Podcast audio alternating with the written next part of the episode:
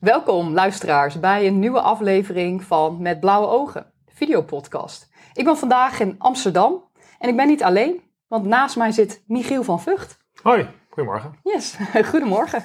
Ben jij klaar om je ogen te openen voor de onbeperkte mogelijkheden van een unieke mindset en innovatieve ideeën? Neem dan een kijkje met blauwe ogen. In elke aflevering ontdekken we nieuwe manieren om te denken en te creëren. Delen verhalen van mensen die de uitdaging aangaan om hun dromen waar te maken. Ik ben Bianca van Elp en je luistert naar de videopodcast met blauwe ogen. Ik ga Michiel uh, introduceren, want Michiel uh, woont bij Rotterdam met zijn gezin, uh, vrouw en twee kinderen. En hij werkt als commercieel directeur bij een vermogensbeheerder. En dat doet hij in loondienst. En daarnaast onderneemt hij ook, hij heeft zijn eigen merk opgericht. En is hij spreker, podcaster, schrijver. En dat gaat over hoe je financiële, of betere financiële beslissingen kan nemen. Nou, met zijn Rotterdamse hockeyteam werd hij tweemaal derde van Nederland. Daarnaast is hij dol op watersporten. Hij is kitesurfer, duiker. En wat ik zelf wel bijzonder vond om te horen, is dat Michiel in de ochtend om zes uur al in de sportschool staat. En dan sluit je ook nog eens af met een ijsbad in de achtertuin. Nou, zijn leeftijd, dat uh, vindt hij wel een dingetje. Dus uh, zijn leeftijd kan ik toch stiekem wat vertellen, want hij heeft een soort tik. Is dat hij namelijk elk levensjaar wil hij één nieuw land bezoeken. En ondertussen heeft hij al 42 landen bezocht. Dus uh, kan je zelf bedenken hoe oud Michiel is. Yes. Nou, Michiel, hè, de podcast heet natuurlijk met blauwe ogen. Wat is jouw oogkleur? Volgens mij zijn ze blauw ook. Dus ik voldoe nog. Ja. ja, precies. Volgens mij. Hij moest net zelf echt nadenken en vragen aan mij: wat is nou mijn oogkleur? Maar goed, het is natuurlijk met blauwe ogen is ook vooral kijken met een open blik naar de wereld. Dus ik ben wel heel benieuwd, wat typeert jouw blik? Hoe kijk jij naar de wereld? Ja, ik hoop ook wel onbevangen.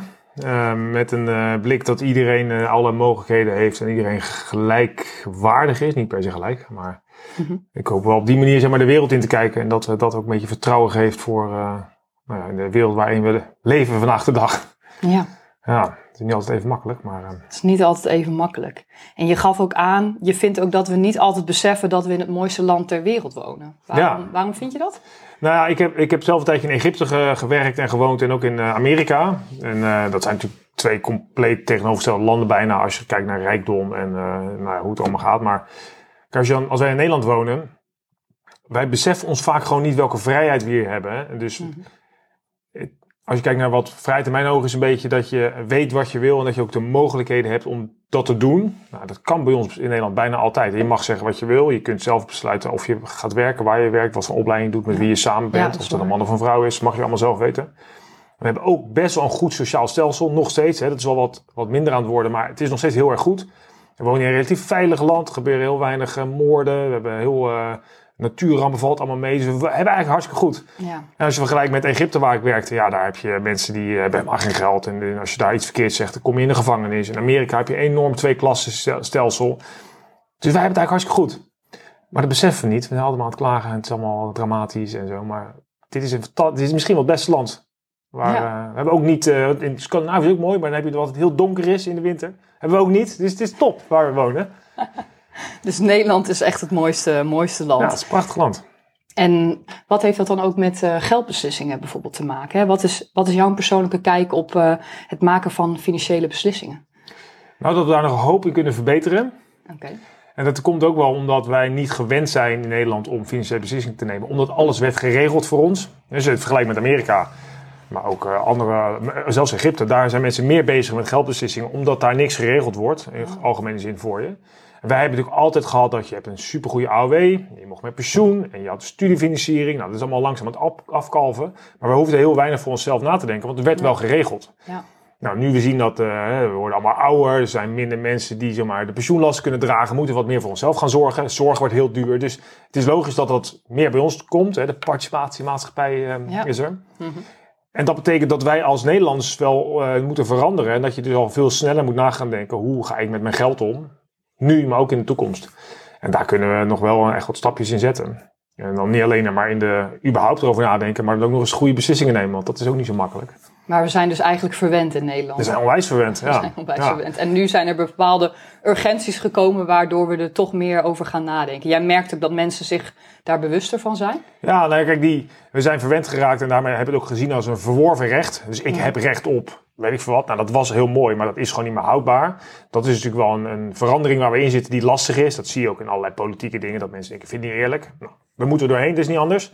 En, maar we moeten er ook doorheen als mensen in Nederland dat we moeten, ehm, ja, gewoon moeten beseffen, ja, je moet je eigen pensioen gaan regelen voor een deel.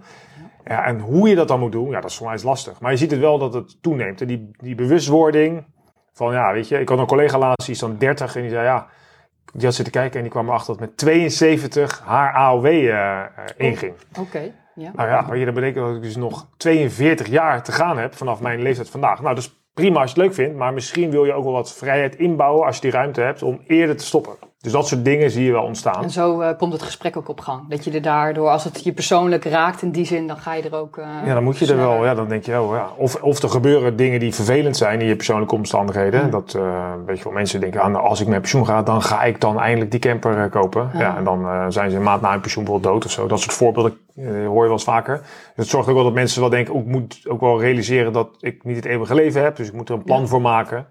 Nou, dat soort dingen zie je wel de laatste jaren eh, eh, ontstaan. Wat denk ik goed is. Ja. Geef wat meer regie over je eigen invulling van je leven, ja. ja, en ik denk dat het ook goed is dat je je bewuster bent van de, van de keuzes die je maakt. En dat je op die manier eh, daar ook mee bezig bent. En heeft jouw opvoeding en het gezin waar je bent eh, opgegroeid ook te maken met dat jij zo'n keuze, ja, die keuzes misschien bewuster hebt gemaakt? Hebben je ouders dat misschien ook gedaan?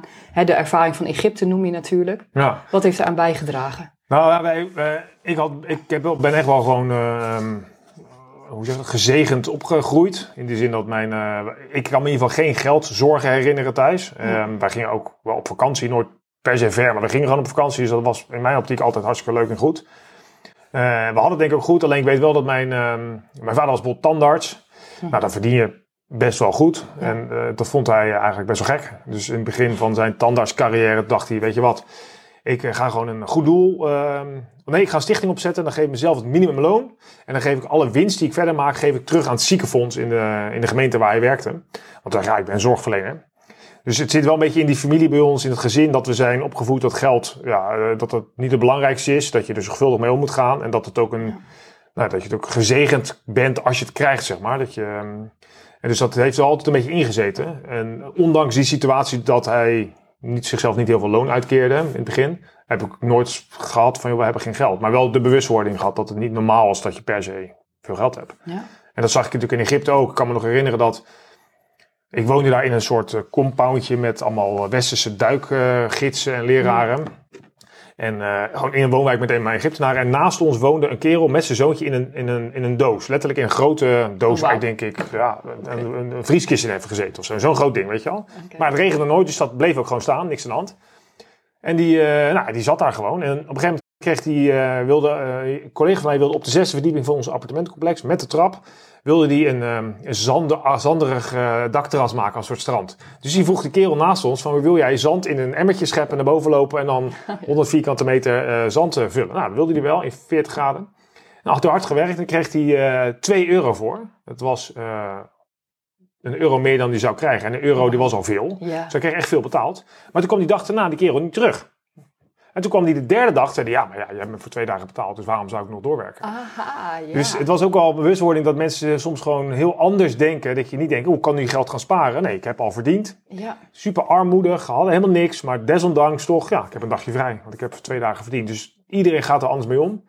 En het was voor mij wel interessant om dat te leren in al dat soort landen. Dat het anders is dan bij ons. Ja. En soms denk ik, het is soms goed ook om korte termijn te denken. Juist het voorbeeld wat je net gaf met, Ja. nou ja, met pensioen gaan. Of helemaal uitkijken dat je naar, met pensioen gaat. En dat je uiteindelijk eh, misschien nog eh, een maand leeft. Dat is wel heel Zeker. dra- drastisch, nou maar het kan gebeurt. wel. Ja. Nou ja, dat ook altijd vind ik wel zelf lastig hoor. Dat je, je is eigenlijk een afweging maken tussen nu eh, leuk leven en straks ook nog leuk kunnen leven. Ja. En ja, je, moet niet al, je kan niet alles nu opmaken, want wie weet word je heel oud. Maar als je nu niks opmaakt, ja, misschien word je niet oud. Dus het is altijd een lastige afweging. Ja. En in jouw rol eh, als commercieel directeur bij een vermogensbeheerder, wat, wat is bijvoorbeeld het gekste advies wat je wel eens aan een klant eh, hebt gegeven? Nou ja, het gekste advies vanuit de vermogensbeheerder is om niet te beleggen. Dus wij, Niet te beleggen. wij verdienen geld aan beleggen. Eh, nou, dat is gek. Het is eigenlijk een heel goed advies. Maar niet iedereen heeft het nodig. Sommige mensen zijn, hebben zoveel vermogen dat je denkt, het gaat niet meer op. Waarom zou je dan nog risico nemen? Hmm. Maar wij vinden het wel heel belangrijk dat je eh, gaat nadenken over waarom je überhaupt iets zou doen met je geld. Dus als je niet weet wie je bent, dan kun je nooit een plan maken. Als je niet weet wat je wil, is alles goed. Ja. Dus we vinden dat wel belangrijk om eh, ja, dat je gewoon een beetje nadenkt over. En wat zou dan bijvoorbeeld een, ja, een goede investering zijn? Of hè, niet beleggen, maar wat ga je dan doen met je geld? Wat, eh, wat zijn een alternatief? Opmaken? Opmaken. Kan een hele goede- Ja, dus goede zijn. leven, net als die Egyptenaar dus. Ja, bijvoorbeeld. Of kijk, ehm, het is natuurlijk voor iedereen verschillend. Kijk, ik vind het eigenlijk altijd belangrijk dat je eerst. ehm, je hebt een aantal vragen die altijd wel mooi zijn in de financieel advieswereld. Eh, de ene vraag is altijd wel leuk: van, stel je wint de staatsloterijen. 30 miljoen. Wat ga je doen? Ja. Nou, dat is leuk. Koop ik een boot en dan koop ik een auto en een huis en een vliegtuig. Nou, Allemaal hartstikke leuk. En dan? Wat ga je dan doen? Ja. Nou, dan gaan mensen nadenken. Ja, dan ga ik misschien boswachter worden. Oké, nou, dus dan kun je al iets van, hè, krijg je wat intrinsieke motivatie. Dus vragen van, stel je, je hoort van de dokter, joh, slecht nieuws. Over tien jaar ben je dood, maar je hebt zeker nog vijf jaar goede gezondheid. Wat ga je dan doen? Ja. Nou, zo, dan moet je keuzes gaan maken. En de laatste is van, nou, je bent morgen eh, ga je dood, eh, waar heb je spijt van? En als je daar eens op Hmm. doordenkt, Ja, dan krijg je al vaak veel van, ja, dit vind ik echt belangrijk. En dan kan je er ook met je geld iets mee doen. Want anders, ja, je kan maar geld verzamelen. Maar wat heb je aan geld als je niet weet wat je ermee moet doen? Dus dat is het liefst eigenlijk als je naar advies kijkt wat wij geven. Misschien moet je beleggen, maar misschien moet je je hypotheek wel aflossen. Misschien moet je helemaal niks doen. Je moet eerst weten wie je bent en waar je naartoe wil. En begeleiden jullie ook, want ik kan me ook voorstellen dat als jij, nou ja, dit voorbeeld 30 miljoen wint, dat je het niet eens kan overzien hoe groot Ah. het is. Maar beleggen, of ja, helpen jullie dan ook daar mensen mee die dan eh, dit soort geldbedragen winnen? Ja, wij daar hebben, het keuzes zijn niet de dagelijkse klanten die we Nee, tegenkomen. nee. Maar wij, werken, wij vinden het belangrijk dat de klanten bij ons, klant is altijd onafhankelijk wordt geadviseerd. Dus je moet eerst onafhankelijk met iemand gaan praten. Daar kan ik je wel mee helpen. Maar die gaat eens kijken, wie ben je, waar sta je, waar wil je naartoe en wat heb je. En dan kom je pas bij ons. Dus je kan niet Ja. bij ons een rekening openen zonder eerst onafhankelijk geholpen te worden door een adviseur. Nou, oké. Want anders, kijk, wij gaan geld verdienen aan het geld wat iemand stort. Dus, dus per definitie ben ik niet onafhankelijk. Ja. Dus terwijl een adviseur kan tegen jou zeggen, ja, weet je, je moet helemaal niet, of je moet maar een klein beetje, of je moet juist meer. En dat is veel meer in jouw belang. Dus dat, zo op die manier proberen we ook die rijke loterijwinnaar, maar net zo goed mensen die 100 euro per maand eh, willen opzij zetten voor later, op die manier goed te helpen. ja, dat is het scala van de klanten die er, eh, die er zijn. Ja, zeker. Ja. De meeste mensen zijn gewoon eigenlijk spaarders hoor, die bij ons 100 euro per maand eh, beleggen. Ja. En die zien het ook, het is geld, dat is dan echt een middel, omdat ze iets willen bereiken. En niet een doel op zich om maar muntjes te verzamelen. Ja. Dus gek is meer inderdaad, nou, beleggen is de vraag, maar uiteindelijk een paar vragen stellen. Eh, stel dat je nog maar korte leven hebt, of nou ja, wel meer die intrinsieke motivatie Ja. van een klant eh, naar boven krijgen. Ja, kijk, want als je. Kijk, niemand wil in mijn optiek rijk zijn, maar we willen wel allemaal een rijk leven. Ja, dat is denk ik wel waar. Ja, dus en, en waarom zou je de rijkste persoon op de kerkhof willen zijn? Dat wil je helemaal niet. Dus. Maar als je er niet over nadenkt, dan word je het zomaar. Hmm. Dus, dus daarom vinden wij het heel belangrijk. Vind ik zelf persoonlijk ook belangrijk. Ga nou nadenken. Wat, wat vind je nou echt belangrijk in het leven? Vind je mensen leuk met wie je omgaat? Vind je je werk leuk? Eh, weet ik veel, waar je woont, de dingen die je doet. En als dat allemaal oké is, oké, past dat dan in je geldsituatie? En anders, wat ga je dan veranderen? Ja. Zodat je het leukste uit het leven haalt. En daar is geld in onze maatschappij dan heel belangrijk in. Want zonder geld kun je, kun je niks. Maar het is, niet het belangrijkste. Het is dat je je leven mooi maakt. En eh, nou ja, lukt dat jou ook? Is het ook de manier waarop jij leeft? Eh, Nou ja, probeer ik zoveel mogelijk, maar het lukt natuurlijk niet altijd. Je wordt ook wel door de waan van de dag. En, Ja. dat je, kijk, ik zou het liefst. Ik zit nu bijvoorbeeld, ik wil graag eh, veel landen bezoeken. Maar ik heb ook wel een beetje last van vliegschaamte gekregen. Oh ja? Ja, dus ik denk, ja, weet je, ik zou eigenlijk liefst wel in Zuid-Amerika zou ik wel eens heen willen bijvoorbeeld. Maar ja, moet ik wel gaan vliegen, weet je wel. Oké, ja, eh, nou, wat, ik weet niet, ga ik ineens een soort van wat van vinden. Ah, Dus dat, mag, het is allemaal luxe problemen natuurlijk. Dus, ja. eh, maar goed, en, en in de algemene zin, ja, soms zijn dingen gewoon lastig, weet je. Ik heb twee jonge kinderen, gaat niet altijd even soepel als je kinderen hebt. En, eh, ja, dus het is natuurlijk een utopie om te denken dat elke dag de beste dag van je leven is. Maar wij proberen wel thuis heel bewust te zijn van, joh, waar gebruiken we ons geld voor? En dan liever voor een ervaring met z'n vieren, Ja. dan dat we maar weer een nieuwe bank kopen die net twee jaar oud is en dat we die vervangen of zo. Of weet je wel, dus dat geeft wel eh, een gevoel van rijkdom in die zin, ja. ja, dat je belevenissen maakt dan eh, allemaal materialen. Ja, herinneringen, ja. Dat is ook wel mooi. herinneringen eh, maakt. Ja, dat is mooi. een mooi hersenonderzoek gedaan dat, dat je mensen een herinnering, hè, probeer maar eens bij jezelf een keer, van nou, herinner maar eens een jaar geleden dat je een nieuwe winterjas kocht of zo, of anderhalf jaar geleden. Kun je dat nog herinneren? Kun je nog die emotie oproepen dat je denkt, oh, ik loop hier naar buiten met die jas, kijk mij eens even. Voel je het kippenvel nog komen? Waarschijnlijk niet. Weet je niet eens meer wat je gekocht hebt. Maar een herinnering van een jaar, twee, drie, vier jaar geleden die echt bijzonder was met Ja. iemand die je heel lief, aardig vindt, ergens. klopt. kan zo lukken, kan je tranen in je ogen krijgen. Dus, en dat zie je ook in je hersenen. Dus we weten allemaal best wel dat we tijd moeten besteden met mensen die we leuk vinden. Ja. Nou, alleen we doen vaak veel te veel nieuwe uh, dingen, spulletjes kopen. Terwijl gebruik nou je tijd en je geld om voor de ervaring en de herinnering. Ja, ja dat is mooi, eh, mooi advies en ook, eh, ook voor de luisteraars en de kijkers. En waar ik zelf ook aan moet denken, in coronatijd merkte ik dat je dan niet zo heel veel herinneringen maakt. Dan duurt de tijd heel lang. Mm, maar als ja. je nu terugkijkt op de coronatijd, omdat je juist niet zoveel herinneringen hebt gemaakt, lijkt het ook Ja. weer opeens een hele korte periode. Dat vind ik altijd met die coronatijd. Ja. Qua belevenissen, dat was toen best wel lastig. Dat je daardoor ook op die tijd anders terugkijkt. Ja, dan dat krijg je heb een ik andere persoonlijk. perceptie van tijd. Ja, dat Ja, klopt. Ja. dat is Ja. wel bijzonder inderdaad. Elke dag was hetzelfde. Dat is een beetje die film, hè? die Groundhog Day eh, film. Ja, maar ook als je een videobellen bent, ja, dat doe je altijd vanuit huis. Dus als de omgeving niet verandert, Nee, daarom. dan lijken al die dagen op. Ja, dat klopt. Ja, je kan niet meer herinneren wat je gedaan hebt Nee. of zo. Nee, Nee, Nee, precies. Ja, nee. Dat is, en ik denk ook eh, wat jij zegt met die belevenissen, dat roept dan zoveel emoties op. Of het nou positief of negatief is, maar dan herinner je het je wel veel beter. ja, Ja. zeker. Mooi. En eh, wat heeft, eh, of hoe heeft jouw ervaring als spreker en podcaster, schrijver, dat is een eh, hele mond vol, hoe heeft dat bijgedragen aan, aan jouw visie op financiële beslissingen? Nou, kijk, de, mijn eerste boek, en de, wat ook verreweg het best verkocht is, dat heet Net iets slimmer. En dat, dat gaat over 35 gedragsinzichten rondom beslissingen nemen. Niet altijd over geld, maar ook gewoon groot over geld. En daar hebben we gewoon geleerd dat we gewoon super domme wezens zijn in de basis. En we heel veel beslissingen nemen die voor de ander bijna onbegrijpelijk zijn. En die je allemaal kunt verklaren waarom we dat doen. Maar ja, ik werk in de beleggingen 15 jaar. Toen ik hier net werkte, nou net, ja, vijf zelfs denk ik. Toen ging ik gewoon bijna echt de klassieke beleggingsfout maken door op het dieptepunt uit te willen stappen. Omdat Oh. ik bang was geworden voor een beursdaling. Oh ja. Ja. En in mijn boek staat, dat had ik bijna af, staat letterlijk uitgelegd hoe dat ontstaat en wat je er tegen kunt doen. Maar ik ging gewoon vol die valkuil bijna in. Oh ja. ja. En dan komt het misschien ook omdat er emotie bij komt kijken. Juist, en dat is de, kijk, we- emotie is een slechte raadgever. Nou, dat is niet helemaal waar, want je hebt het ook wel nodig om keuzes te maken. Ja. Maar vaak, vaak financieel gezien zijn, is het wel bijna altijd een slechte raadgever. Want geld is rationeel, dus daar zit, daar zit geen emotie in het geld. Maar we reageren er vaak wel heel dom op. En dat kan dus heel veel grote gevolgen hebben voor je pensioen, of voor de studie van je kinderen, of voor de aflossing van je huis, of je financiële rust. Ja, en als ik die, dat boek, wat ik heb daar een studie rondom psychologie gedaan, en wat dan nou, ja, onze beslissingsvaardigheden zijn rondom geld. Ja, dan kom je erachter, we zijn gewoon zo ontzettend dom. Dus je hebt bijna allemaal iemand nodig om die je even zegt, joh, doe even normaal, tikkie, eh, dit had je gezegd, niet zo raar doen, er is niks veranderd, weet je wel, waarom ga je nou eh, in paniek raken? Ja, daar zijn zo ook wel leuke voorbeelden, dat kunnen we gewoon moeilijk. Maar is het eh, vooral ook in onze cultuur als Nederlanders dat wij domme keuzes maken? Of is dat, wat je best wat gereisd hebt, zie je dat ook wel in andere culturen? Nou, het- kijk, eh, je kunt beter worden op het moment dat je bewust bent van hoe je keuzes maakt. En je kunt ook beter worden in beslissingen nemen als je meer snapt wat je doet. Ja. Dus omdat wij in, eh, bijvoorbeeld in Nederland hebben wij, wat ik net zei, weinig financiële educatie. Omdat alles werd geregeld voor ons. Dus wij hoefden ook niet te leren hoe beleggingen werkten. Want ja, joh, pensioenregelingen waren top. In Amerika zie je dat daar moet je alles zelf regelen, althans een heel groot deel. Dus dan zie je dat de, wat is nou een belegging, om maar wat te noemen, dat wordt je al aangeleerd op, de school, op school. Ja. Dus dan heb je meer informatie en snap je wat meer. Dus dan kun je ook makkelijker bepaalde gebeurtenissen in context plaatsen. Dus daarmee zie je wel dat er culturele verschillen zijn. Maar in de basis zijn wij als mensen gewoon opgegroeid dat wij denken, ik wil verlies vermijden en ik wil me plezier ervaren. En als je, daar kun je heel veel beslissing op terug laten vallen. Dus als een beurs daalt, voel je verlies, vind je niet leuk, wil je ermee stoppen. Ja.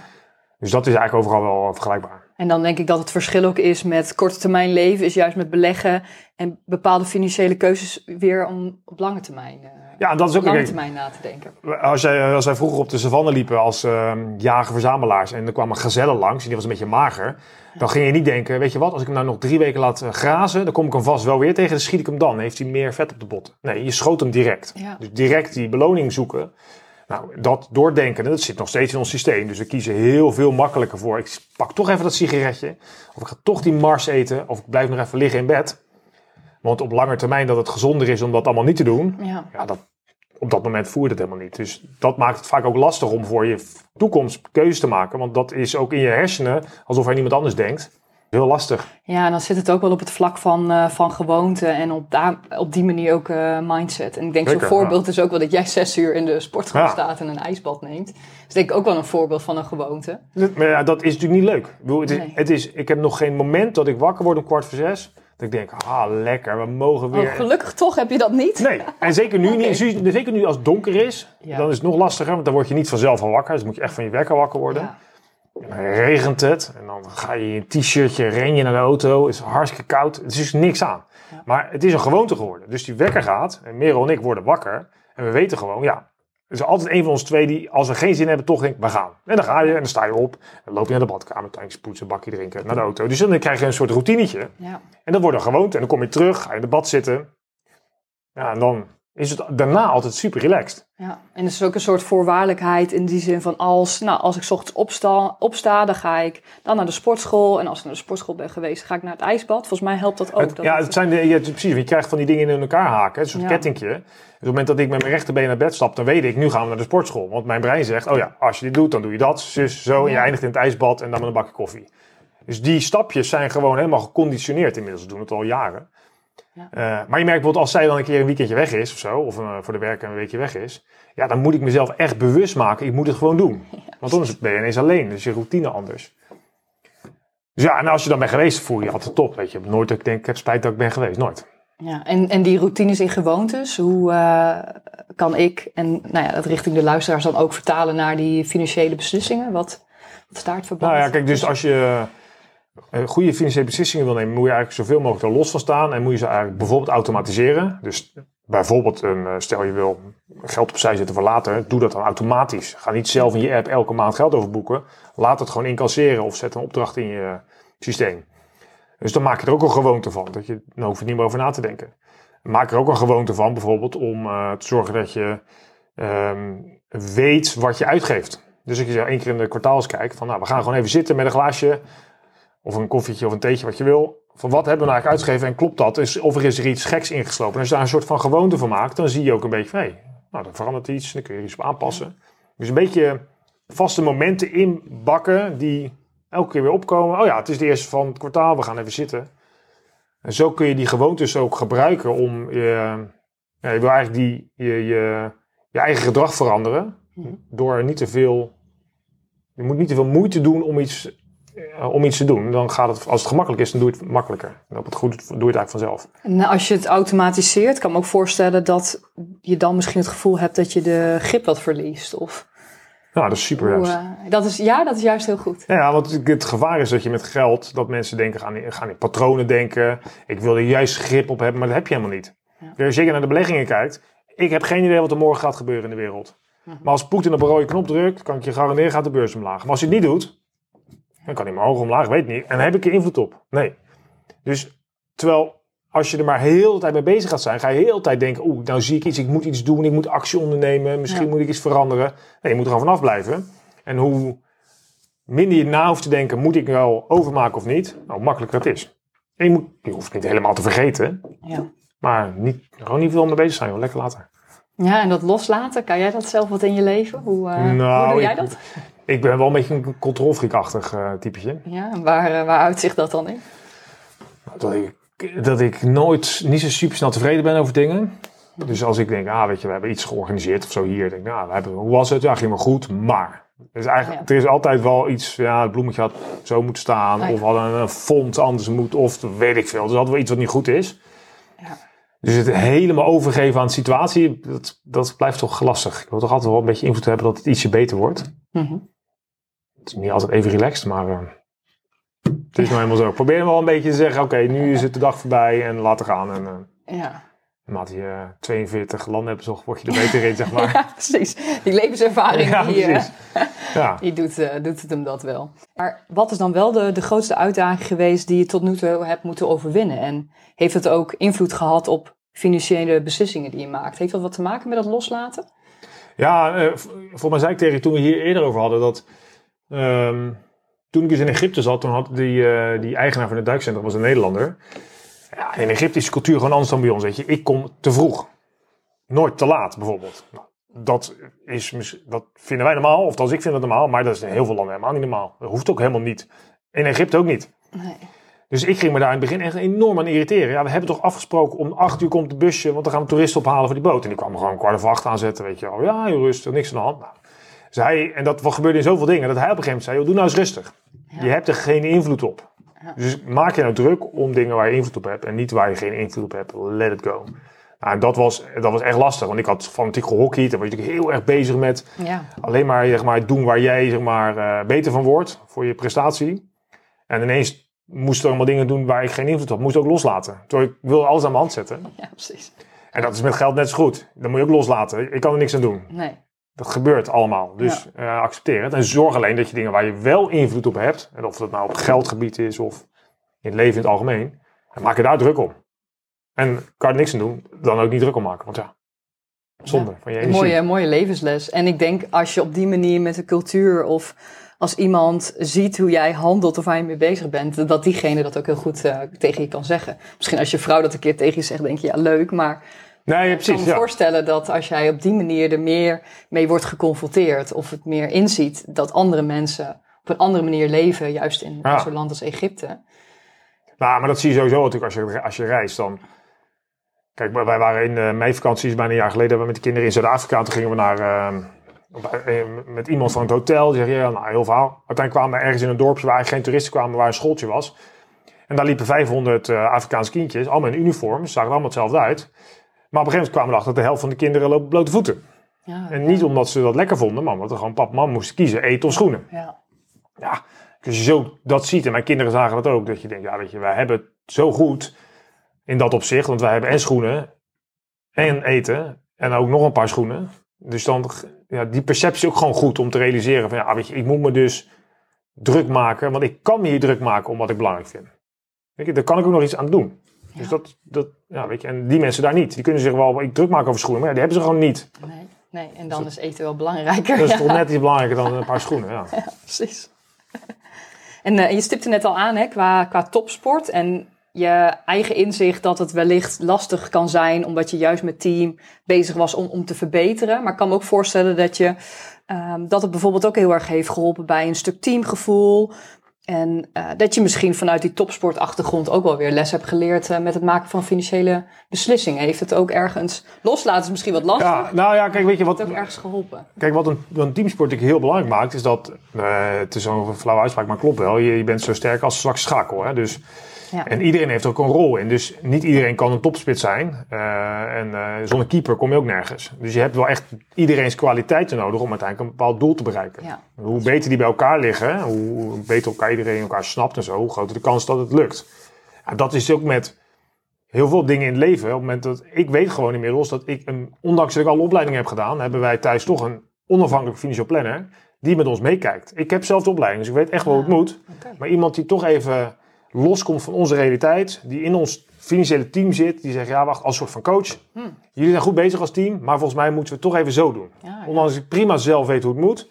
Iemand die even van nou, beschouwt. En dat zijn de dingen die, eh, nou, die vaak dus wel helpen om die keuzes te verbeteren. En uiteindelijk een resultaat te bereiken wat misschien net iets meer voldoening geeft. Of net iets meer rust geeft dan, dan als ik het zelf had gedaan. Ja, dat is wel interessant. Had ik ook niet per se verwacht. Omdat het ook wel vaak is dat als je nou, daar zelf een expert in bent, dat je denkt, ik kan het wel lekker zelf. Juist omdat je ook aangeeft, ik vind het wel lastig om het los te laten. En, eh, Ja, dus maar dat ja. verbaast me ook wel weer enigszins. Nou ja, dat komt ook wel omdat ik, doordat ik die boek heb geschreven, wel geleerd heb dat je kunt wel denken dat je een expert bent, maar dat, Ja. dat ben je helemaal niet. Nee, precies. Want ik weet wel hoe het technisch moet, maar eh, ik ben expert voor jou. Kan ik jou prima adviseren hoe het moet. Dat klopt ook allemaal. Maar als het om je eigen situatie gaat, dan, dan gaat ook daar de emotie over de overhand nemen. Ja, precies. Dan ga ik nu ineens denken, ja, ja, maar toch mijn geld. We hebben Merel en ik hard voor gewerkt. Dan ga je ineens een gevoel krijgen, wat nou als? Terwijl jij denkt, rationeel gezien, joh, er is niks aan de hand. Dus, dus daardoor ga je je eigen expertstatus ga je eigenlijk tegen je werken. Dus kun je beter iemand gebruiken die jou gewoon op een objectieve manier zegt, zo gaan we het doen. Dan denk ik, oh ja, je hebt gelijk. Ja. En het is denk ik ook, het doet me wel denken aan Help een man is klusser. Ik weet Oh. niet of je het programma kent, Ja, ja. maar ik heb het wel eens gezien. En dan zijn het volgens mij ook vaak hele handige mannen, dus timmermannen. Of, en die hebben dan thuis een dikke zooi. Ja, dus dat zeker. Ja, doet me wel denken aan wat je nu schetst. Dat het dan toch Nou ik, jezelf mijn vader was tandarts. Ik ging nooit naar de tandarts. Nee joh, echt? Ik zag hem elke dag, dus waarom zou ik er naartoe gaan? Ja, kom binnenkort, maken natuurlijk nooit een afspraak. En dan was altijd zijn agenda Ah, ja, boek vol. Precies, dit. Dus dat soort voorbeelden zijn natuurlijk legio. Ja, dat is wel bijzonder, ja. Ja. Dus, Dat is wel echt heel typisch. ja. Oké, ja, Ja. dat zou je niet verwachten, nee. Nee, Nee, dus, eh, ik raad iedereen aan. Zoek gewoon een goed team om je heen met iemand die je vertrouwt. Die ook, dus wat jij net al zei, dat is ook wel, vond ik wel mooi dat je het zei. kijk, ik kan wel tegen Merel iets zeggen of zij tegen mij. Maar we kennen elkaar veel te goed en lang Ja. en dus uh, emotioneel betrokken in een relatie. Dus soms is het goed iemand te hebben die je wel vertrouwt, maar die kan zeggen, ja, uh, dit is echt, echt dikke bullshit. Ja. Die je gewoon even onaardig doet, in jouw belang dan. ja, het is echt een spiegel dan Ja, voor ja, ja. Terwijl als Merel dat zegt, denk ik, bemoei je met je eigen zaken. Ik weet heus wel hoe het moet. Ja, Terwijl ja. iemand die dan daar buiten staat, dat wel makkelijker kan doen. Ja, precies. Dan, eh, ja, dan pik je dat misschien net even wat sneller. Ja, zeker. Zo, zo werkt het wel. En het is denk ik een mooie, mooie spiegel. En ja, ook interessant dat jij noemt dat je ook wel die financiële, financiële coach eh, ook hebt. Ja. Zou je dat ook veel... Nou ja, ik, ik neem aan, ik weet eigenlijk al een beetje het ander, maar ik neem aan dat je anderen dat ook aanraadt. Ja, en dan- of ligt het aan ja. de financiële situatie waar je in zit? Nou, dat denk ik niet eens. Want als je heel weinig eh, te besteden hebt, is het prettig als iemand kan helpen. Maar als je heel veel te besteden hebt, heb je andere ehm, uitdagingen erin. En vooral omdat... eh, kijk, ik zal zo'n kort voorbeeld geven, dat hebben we al eens vaak verteld. Maar wij waren op een gegeven moment op vakantie in Thailand met de kinderen, eh 2016. Dat het eerste boek was af in manuscript. Eh, ik, ik haalde het net al aan. Toen stonden we op een strand, na drie weken, al drie weken niet naar de beurs gekeken. Na drie weken zag ik dat de beurs 10% gedaald was, dus mijn geld ook. Toen belde ik vanaf het strand mijn eh, collega hier en die zegt, ja, alles verkopen. Terwijl ik beleggingsadviseur ben, financial planner ben, een boek geschreven, eh, geschreven had op dat moment over geld en gedrag. Ja, Dus het was niet dat mijn collega zei, ja, ik heb hier de beste tip op wat je moet doen. Die zei gewoon, huh, je bent helemaal niet ontslagen, je hebt geen nieuw huis gekocht, je komt binnenkort naar huis, dus je blijft ook niet lang op vakantie. Je hebt je geld helemaal niet nodig. Waarom verkoop je? ja precies. Oh ja, Ja, je hebt toch een boek geschreven over geld en gedrag, zei hij. Ja, dat is waar. Oké, zou je niet beter moeten weten? Ja, dat weet ik wel, maar voor jou. Dus daarmee is een onafhankelijke coach of financieel adviseur gewoon handig. Want die kan je gewoon even op het spoor houden. ja, Ik dat vind het zelf lastig. Ja, en ik denk dat dat eh, ja, heel erg helpt, omdat juist geld en gedrag zo aan elkaar gekoppeld is en die emoties. En dat voor jezelf heel anders is, omdat Ja. je er dan eigenlijk te dicht, te nauw betrokken, Ja. eh, betrokken bij Ja, bent. klopt. Ja. En ik ben, eh, ik ben startende ondernemer. Heb jij ook, en er zijn misschien wel meer eh, luisteraars ook eh, startend ondernemen of willen misschien gaan ondernemen. Heb je daar ook een bepaald, advies, bepaald advies voor? Als- onder, voor de ondernemer of voor iemand die met zijn geld iets moet doen als- als startende ondernemer? Oh, precies, dat laatste inderdaad. Wel startende ondernemen over geld. Ja, nou wat, wat ik vaak hoor is dat. ehm, eh, kijk, in het begin moet je natuurlijk nog werken aan je bedrijf. Dus dan heb je, moet je nog geld gaan verdienen. En dan wil je ook wat reserveren voor als je een wat mindere maanden zit. En dat is denk ik allemaal verstandig. Dus ik zou eigenlijk, wat in algemene zin, wat voor iedereen geldt, maar zeker als je start, zorg dat je eh, vlug een buffer opbouwt van ijzeren voorraad met geld. Gewoon een magazijntje waar geld ligt, wat je altijd kunt pakken als het even tegen zit, een maand of twee of drie. Ja.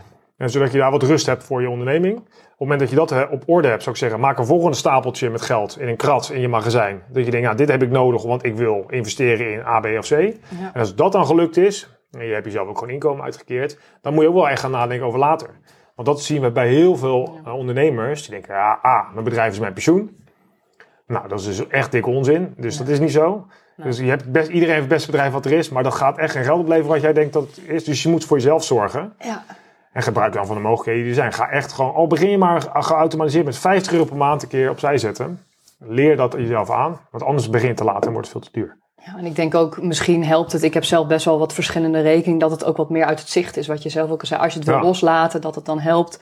Dus dan niet de hele tijd in het zicht is, omdat je dan denkt, oh, ik heb toch die duizend euro. Nou, ik ga Ja, nu... zeker, is een hele goede. eh, Ja. Dat is wat je zegt. Op het moment dat je, dat is een, een, een gedragsinzicht wat wel interessant is. Daar heeft eh, Richard Thaler veel onderzoek naar gedaan. Die Nobelprijs ook voor dat onderzoek. Voor een van die onderzoeken. Is dat wij doen aan mental accounting. Dat is eigenlijk wat je net beschrijft. Dus op het moment dat jij zegt, ik heb hier 100 euro, maar ik zet dat op een rekening die ik niet zo snel zie. Of je geeft die, rekening bijvoorbeeld een naam, pensioen, ik noem maar wat. En je eh, denkt, oeh, ik wil uit eten. Dan ga je denken, oh, die 100 euro voor die, ja, dat is voor een pensioen. Ja, Dat kan ik eigenlijk niet maken. Ja. Dus dan, terwijl het allemaal hetzelfde geld is, het is allemaal evenveel waard. Je kunt er zo van afhalen, maar doordat je een bepaald label geeft, gaat het in je hoofd al als ander geld voelen. En dat kan dus heel slim zijn om jezelf wat meer gedisciplineerd te houden Ja. en minder rare keuzes te maken. ja, dus in die zin hebben we het wel eens over potjes, maar ik dacht altijd, ja, potjes, maar dan helpt het dus wel inderdaad dat je of verschillende rekeningen hebt of Zeker, ja. labels daaraan Ja. hangt. Zodat je wel die, eh, die, die potjes maakt, zodat je dat geld wat meer beschermt. Ja, dat, dat, dat werkt dan inderdaad in je hoofd. Het werkt ook andersom. Stel, je gaat met 50 euro naar het casino en je zet het op rood en het valt rood en je hebt 100 euro. Dan denken heel veel mensen, denken, oh, nou, ik kwam met 50, ik heb 50 bij. Ja, die 50, die kan ik wel uitgeven. Ja, Terwijl op het moment dat jij 50 euro extra verdient omdat je hard hebt gewerkt, ga je dat niet eens extra uitgeven. Dan heb je er hard voor gewerkt. Terwijl het allebei hetzelfde geld is.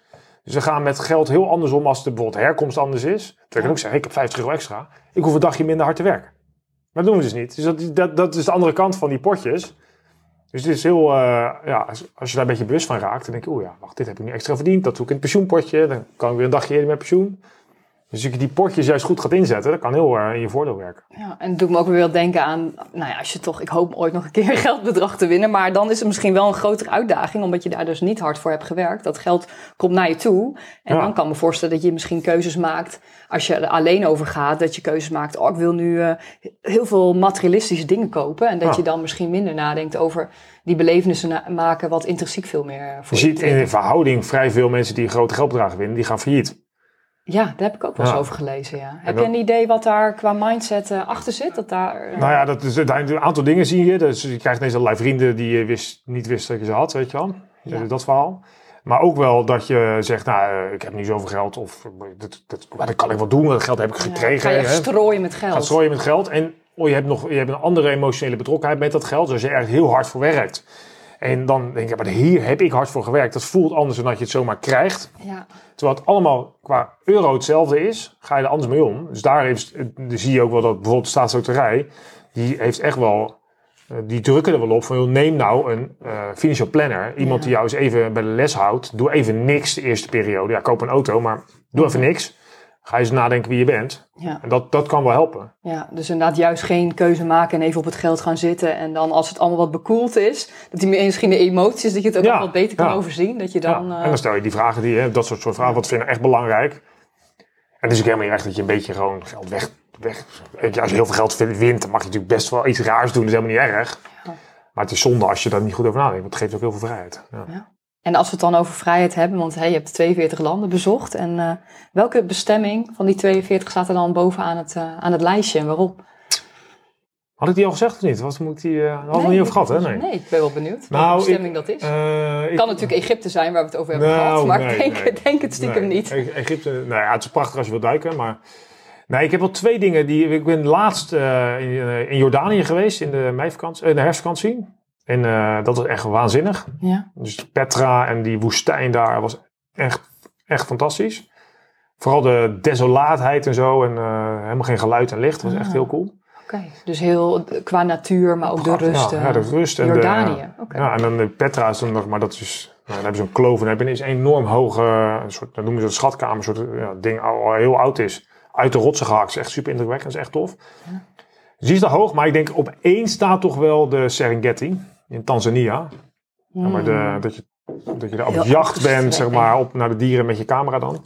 Ja. En die uitgestrekte vlakte inderdaad, met overal dieren, van leeuwen tot gnoes tot weet ik veel wat. Ja, dat is, dat, eh, ja, dat zou ik, dus als ik nog een keer één ding moet doen, nog mag doen, dan zou ik daar naartoe gaan. Dan is dat de bestemming. Ja. En heb je al een beeld wat de 43ste bestemming eh, gaat worden?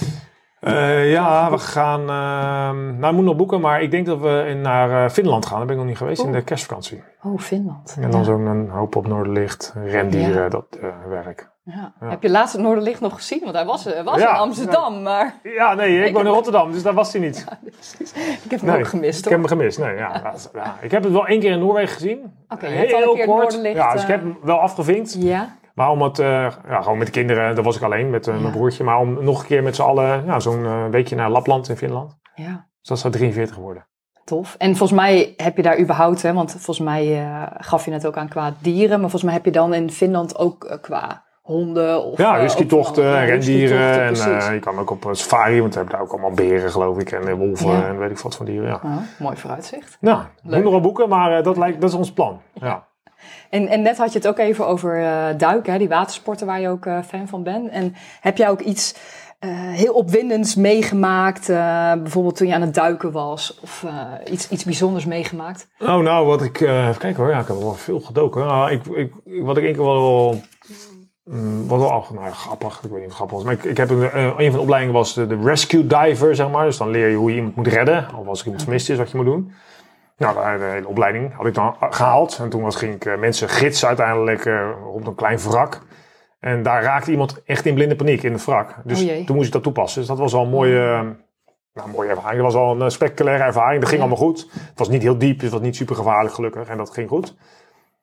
En ik heb wel een paar keer met haaien gedoken, dat het wel echt heel spannend was. Dat mensen wauw. echt ook van angst over hun nek gingen in het apparaat, wat dus kennelijk kan. Oh, ja. Eh, dat was ook wel eh, spectaculair. Duiken met haaien? Hoe, eh, hoe, hoe, ja, neem ons eens mee. Hoe ziet dat eruit? Nou, dat, ik, de dan? eerste keer dat ik ging doen, was, dat was wel echt, dan kwam je, ging je varen met een boot op zee en dat, dat was bij de Bahama's.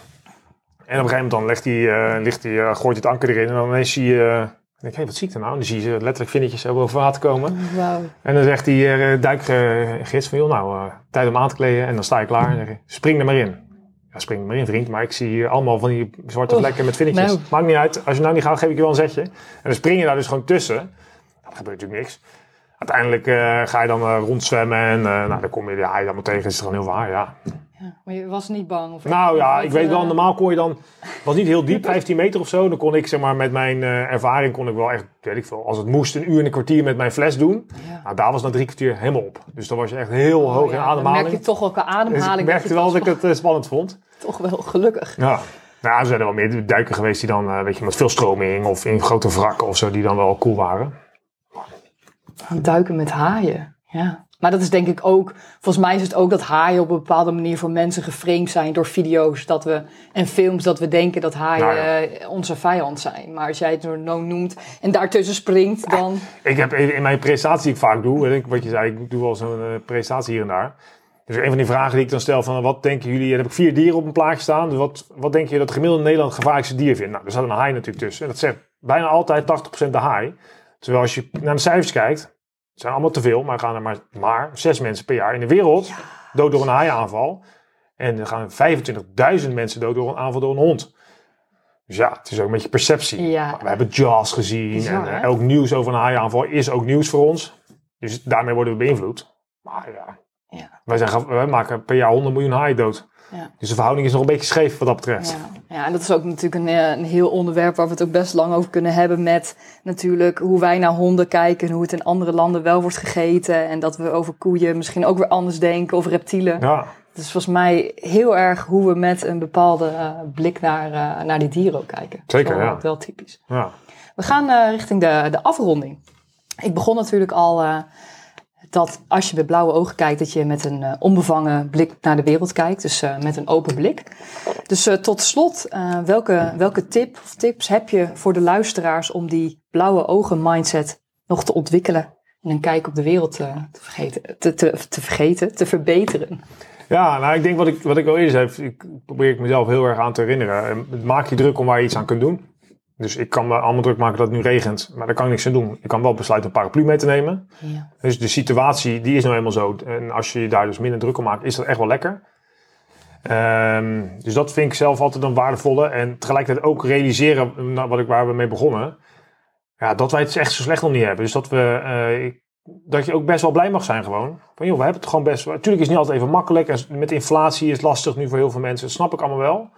Dus ik wil zeker niet bagatelliseren, maar we hebben vaak wel nog een huis. We hebben nog eten, weet je wel. We hebben vaak leuke mensen om ons heen. We kunnen ook nog werken. Dus we kunnen zeggen wat we willen. Dus zeg maar, het blik, met een open blik naar de wereld kijken van wees eens dankbaar waar je woont en wat je allemaal wel mag. eh in versus wat allemaal niet kan. Ja. Waarderen wat je hebt. En waardeer eens wat je hebt. Weet je. Het hoeft ook niet allemaal even groot, allemaal veel groter en meer. Nee, gewoon je bent blij met wat je hebt. En dat geeft best wel veel, eh, zeker als je dus al die reizen, we hebben veel reizen gemaakt. Ja, dan zie je gewoon dat het in bijna alle landen niet zo is. Ja. Ja, dan is dat echt wel, eh, geeft best wel ja, weet je, een, een blij gevoel. Dat je denkt, nou, ik mag hier gewoon met jou hierover hebben. Hoe is het toch Ja. mooi? Ja, dat is hartstikke, hartstikke mooi inderdaad. Ja, we, we leven dus in het mooiste land, eh, land van de wereld. We hebben samen een reis gemaakt door ontdekkingen en nieuwe manieren om naar de wereld te kijken met blauwe ogen. Bedankt voor het luisteren. Hou ons in de gaten door onze social media kanalen te volgen en laat me weten waar jij naar uitkijkt. Tot de volgende aflevering. Nou, dit was eh, de podcast, de videopodcast met Michiel van Vught. Het zou hartstikke leuk zijn als jij een eh, reactie achterlaat. Wellicht heb je nog een bepaald onderwerp waar je meer over te weten wilt komen. Misschien heb jij een, eh, een gast die je graag in de aflevering wil hebben. En tot de volgende keer.